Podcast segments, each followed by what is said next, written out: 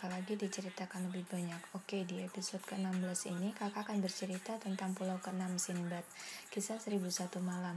Cerita Pulau ke-6 Sinbad, kisah 1001 malam merupakan lanjutan dari Pulau kelima, kisah 1001 malam bagian kelima, yang terkenal dari negara Baghdad yang dibuat oleh Syahrazad untuk diceritakan kepada Raja Syahriar, dengan maksud menunda hukuman mati atas dirinya.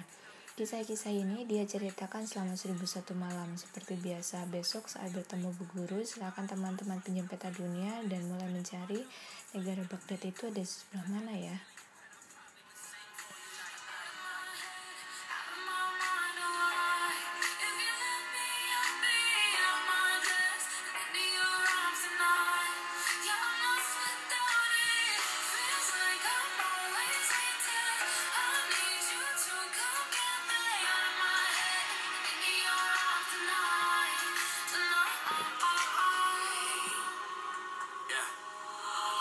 Make you wait or to contemplate about us. Ex, she loved the lie, guess it's why it's harder to trust. I've been searching to find myself and I get too lost in the lust. I heard once that you could try but can't fill from an empty cup, that's no lie. And all I ever say is how I need time. If it was up to you now, you would be mine. I'm on a roll more than I'm home until I find it's only you on my mind. The last three were Gemini. I think that shit is a sign, it's funny. You can't buy time with your money. And you love going to the beach, whether it's cloudy or sunny. And you love drinking all your wine until it Really all I want is for you to love. Flashbacks back roads, driving back to my side of stage. I know I need to tell you I care before it's too late. Before someone steps to the plate. Before you decide not to wait. Before you decide not to chase.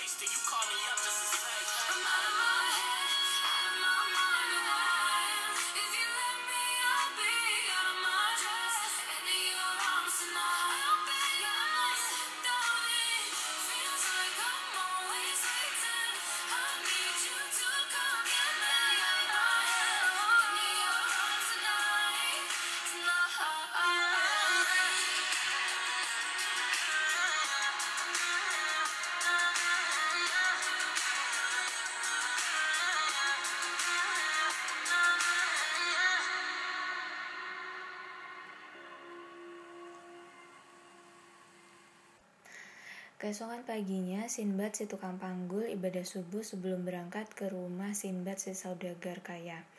Sinbad yang kaya mendoakan hari ini yang baik bagi Sinbad si tukang panggul dan mengundangnya untuk duduk dan mendengarkan kisah perjalanannya yang keenam. Seperti biasa, jiwaku merindukan berpergian. Saya memiliki semua kekayaan yang bisa dibutuhkan siapa pun, tetapi saya masih menyukai kepuasan membuat kesepakatan yang bagus dan menambah tumpukan harta saya. Selain itu, hidup dalam kemewahan dan kenyamanan memiliki kelemahan mengikuti pola yang sama setiap hari. Seperti bantal sutra tempat aku mengistirahatkan lenganku lembut dan nyaman, tapi tidak mendebarkan. Sekali lagi, saya melakukan kesalahan yang besar dan mengemasi barang-barang saya untuk menuju pelabuhan Basrah. Saya naik kapal yang bagus dan berpergian dengan pedagang lain dari pulau ke pulau, berdagang di sana-sini. Bagi kami, para pedagang keberuntungan sedang tersenyum pada kami. Tetapi kemudian suatu hari setelah perjalanan yang sangat panjang, kapten itu naik ke geladak dan berlutut sambil berseru. Saudara-saudaraku, aku bersedih karena anak-anakku akan menjadi yatim piatu. Kami tidak tahu apa yang mengganggunya. Seorang pedagang bertanya, Kapten, apa yang mengganggumu? Kami telah menyimpang dari jalur dan berlayar ke laut yang tidak saya kenal. Saya sama sekali tidak tahu di mana kita berada, dan kami tidak akan pernah menemukan jalan pulang. Dia menjelaskan. Ini bukanlah kabar baik, dan segalanya berubah dari buruk menjadi lebih buruk lagi. Seorang pelaut berteriak, "Awas, itu sangat dekat!" Mendengar ini, sang kapten meratap lebih keras lagi dan sambil berkata, "Tidak ada orang yang bisa mencegah apa pun yang ditentukan oleh takdir. Demi Tuhan yang Maha Kuasa, kami telah sampai di tempat yang pasti akan hancur, dan tidak ada dari kami yang bisa diselamatkan." Dan seolah menjawab, angin berputar-putar. Kapal kami berputar tiga kali dan lambungnya robek, terkena batu. Kami semua tercebur ke dalam laut. Banyak dari kami yang tenggelam, tetapi saya salah satu yang selamat. Dengan tubuh basah kuyup, penuh dengan luka memar, dan setengah mati karena kelelahan, saya berhasil naik ke bebatuan yang dipenuhi dengan puing-puing banyak kapal yang telah hancur berkeping-keping sebelum kapal kami. Sekarang di seluruh pulau ini batu-batu mulia tergeletak seperti kerikil aliran sungai berkilauan dengan berlian.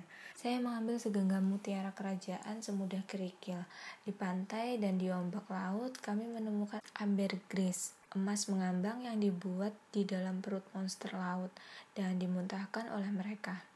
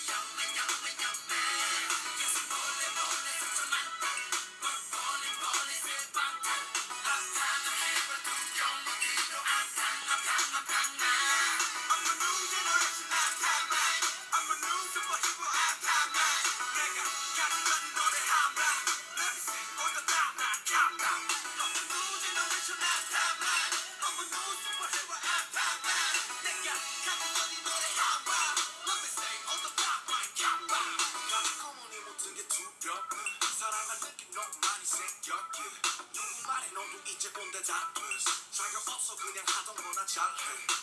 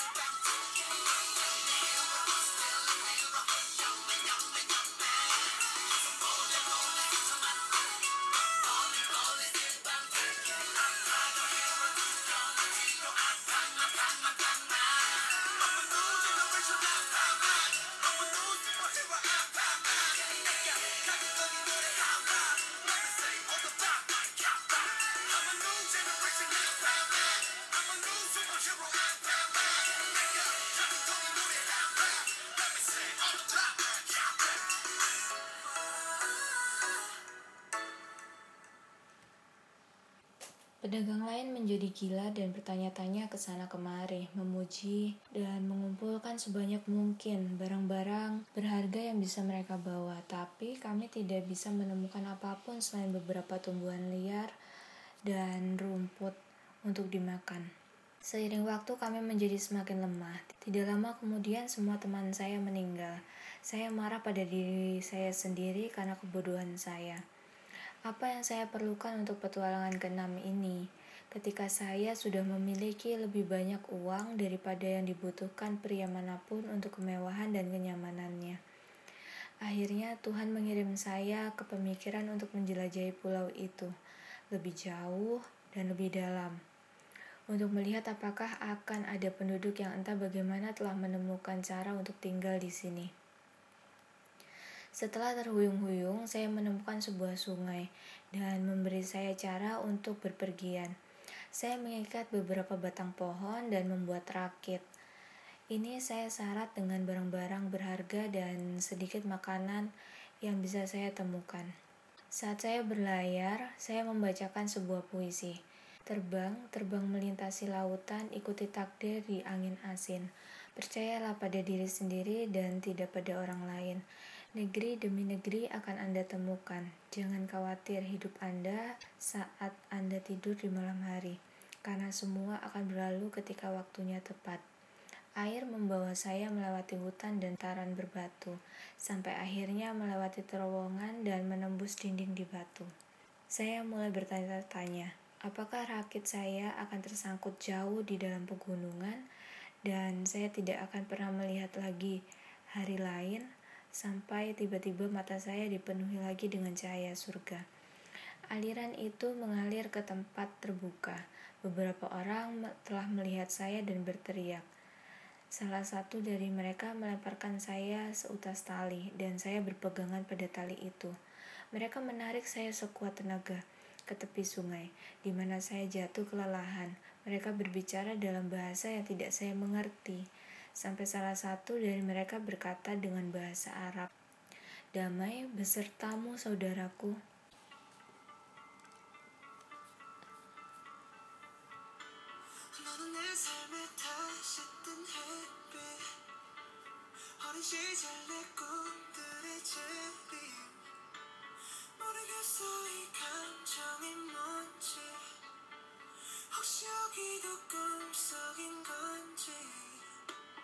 너무 사막에 푸른 신기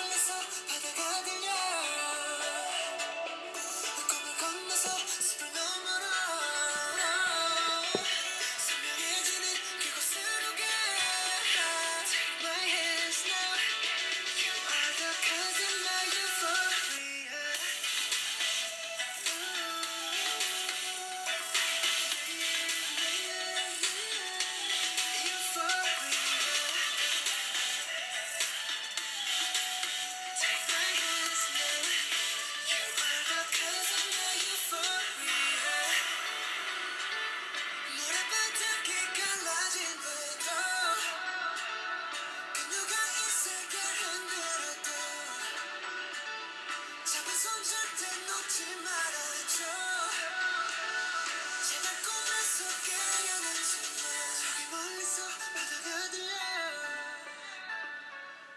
il condosso sopra il nome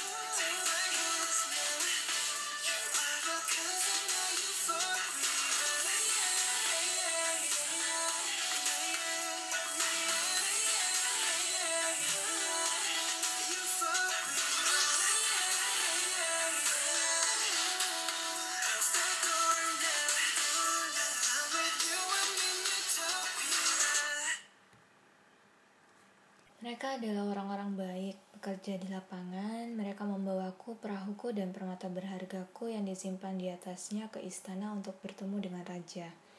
Saya mempersembahkan simpanan harta saya sebagai hadiah kepada Yang Mulia, Raja Sri Lanka, dan menceritakan kisah saya dari awal hingga akhir. Dia bertanya kepada saya tentang negara saya sendiri, dan ketika dia mendengar semua tentang saya dan negara saya, dia mengatakan, Khalifah Anda bijaksana dan terpuji. Anda telah membuat saya mengagumi dia dengan semua yang Anda katakan. Saya berharap Anda kembali ke Baghdad dan membawa salam serta hadiah kepadanya. Saya hidup dalam kehormatan besar di istana raja sampai suatu hari saya mendengar bahwa ada sekumpulan pedagang sedang memasang kapal untuk berlayar ke Basrah. Raja membayar ongkos perjalanan saya, memuat kargo yang banyak ke atas kapal, dan memberi saya surat untuk Khalifah Harun al-Rashid. Dia berkata kepada saya, Bawalah ini dengan tanganmu sendiri ke komandan umat beriman dan beri dia banyak salam dari kami. Saya mendengar dan saya menurut, jawab saya. Surat itu ditulis di atas kulit rusa yang halus dengan tinta biru laut dan berbunyi, Salam sejahtera dari Raja Al-Hindi yang memerintahkan seribu gajah yang masing-masing dihiasi dengan seribu berlian. Anda adalah saudara bagi kami dan teman yang tulus. Kami mengirimkan beberapa hadiah kecil dengan harapan Anda akan senang menerimanya. Saya mengeluarkan semua isi kargo kapal dan membawa hadiah itu termasuk secangkir rubi setinggi satu yard diisi dengan mutiara yang berharga, kulit ular yang telah menelan gajah, dan siapa pun yang duduk di atasnya tidak akan pernah sakit. Satu ton parfum yang harum, dan tarian yang indah dari gadis-gadis bersinar seperti bulan. Kami berlayar dengan angin yang sejuk, dan syukur kepada Tuhan. Semoga perjalanan kami dimuliakan olehnya. Kami tiba dengan selamat di Basrah, dari mana saya melakukan perjalanan ke Baghdad, kota yang damai, di mana saya meminta pertolongan kepada khalifah. Dia bertanya kepada saya, Sinbad, benarkah apa yang dia tulis? Aku mencium tanah di depan kakinya dan menjawab, Ya, yang mulia, itu benar dan banyak lagi. Untuk prosesi kenegaraan, tahtanya diletakkan di atas gajah besar dan orang-orang dengan lembing emas berjalan sebelum dan sesudahnya. Dia diikuti oleh seribu penunggang kuda dengan brokat emas dan sutra. Khalifah senang dengan semua yang saya katakan kepadanya dan hanya mengizinkan saya untuk kembali ke rumah saya setelah dia menganugerahi saya banyak kehormatan, hadiah, dan bantuan yang sangat melimpah. Saya membagikan hadiah di antara teman-teman dan keluarga saya sendiri dan memberikan bantuan kepada orang miskin. Kemudian saya kembali lagi ke kehidupan lama saya yang nyaman dan berpesta lagi. Ketika Sinbad selesai menceritakan kisah perjalanannya yang keenam, dia memberikan koin emas kepada Sinbad si tukang panggul, dan mereka setuju untuk bertemu lagi keesokan paginya untuk mendengarkan perjalanan ketujuh, perjalanan Sinbad yang terakhir dalam karir perdagangannya. Menurut teman-teman, apa yang terjadi dengan Sinbad di perjalanan terakhirnya? Di episode berikutnya, kakak akan lanjutkan.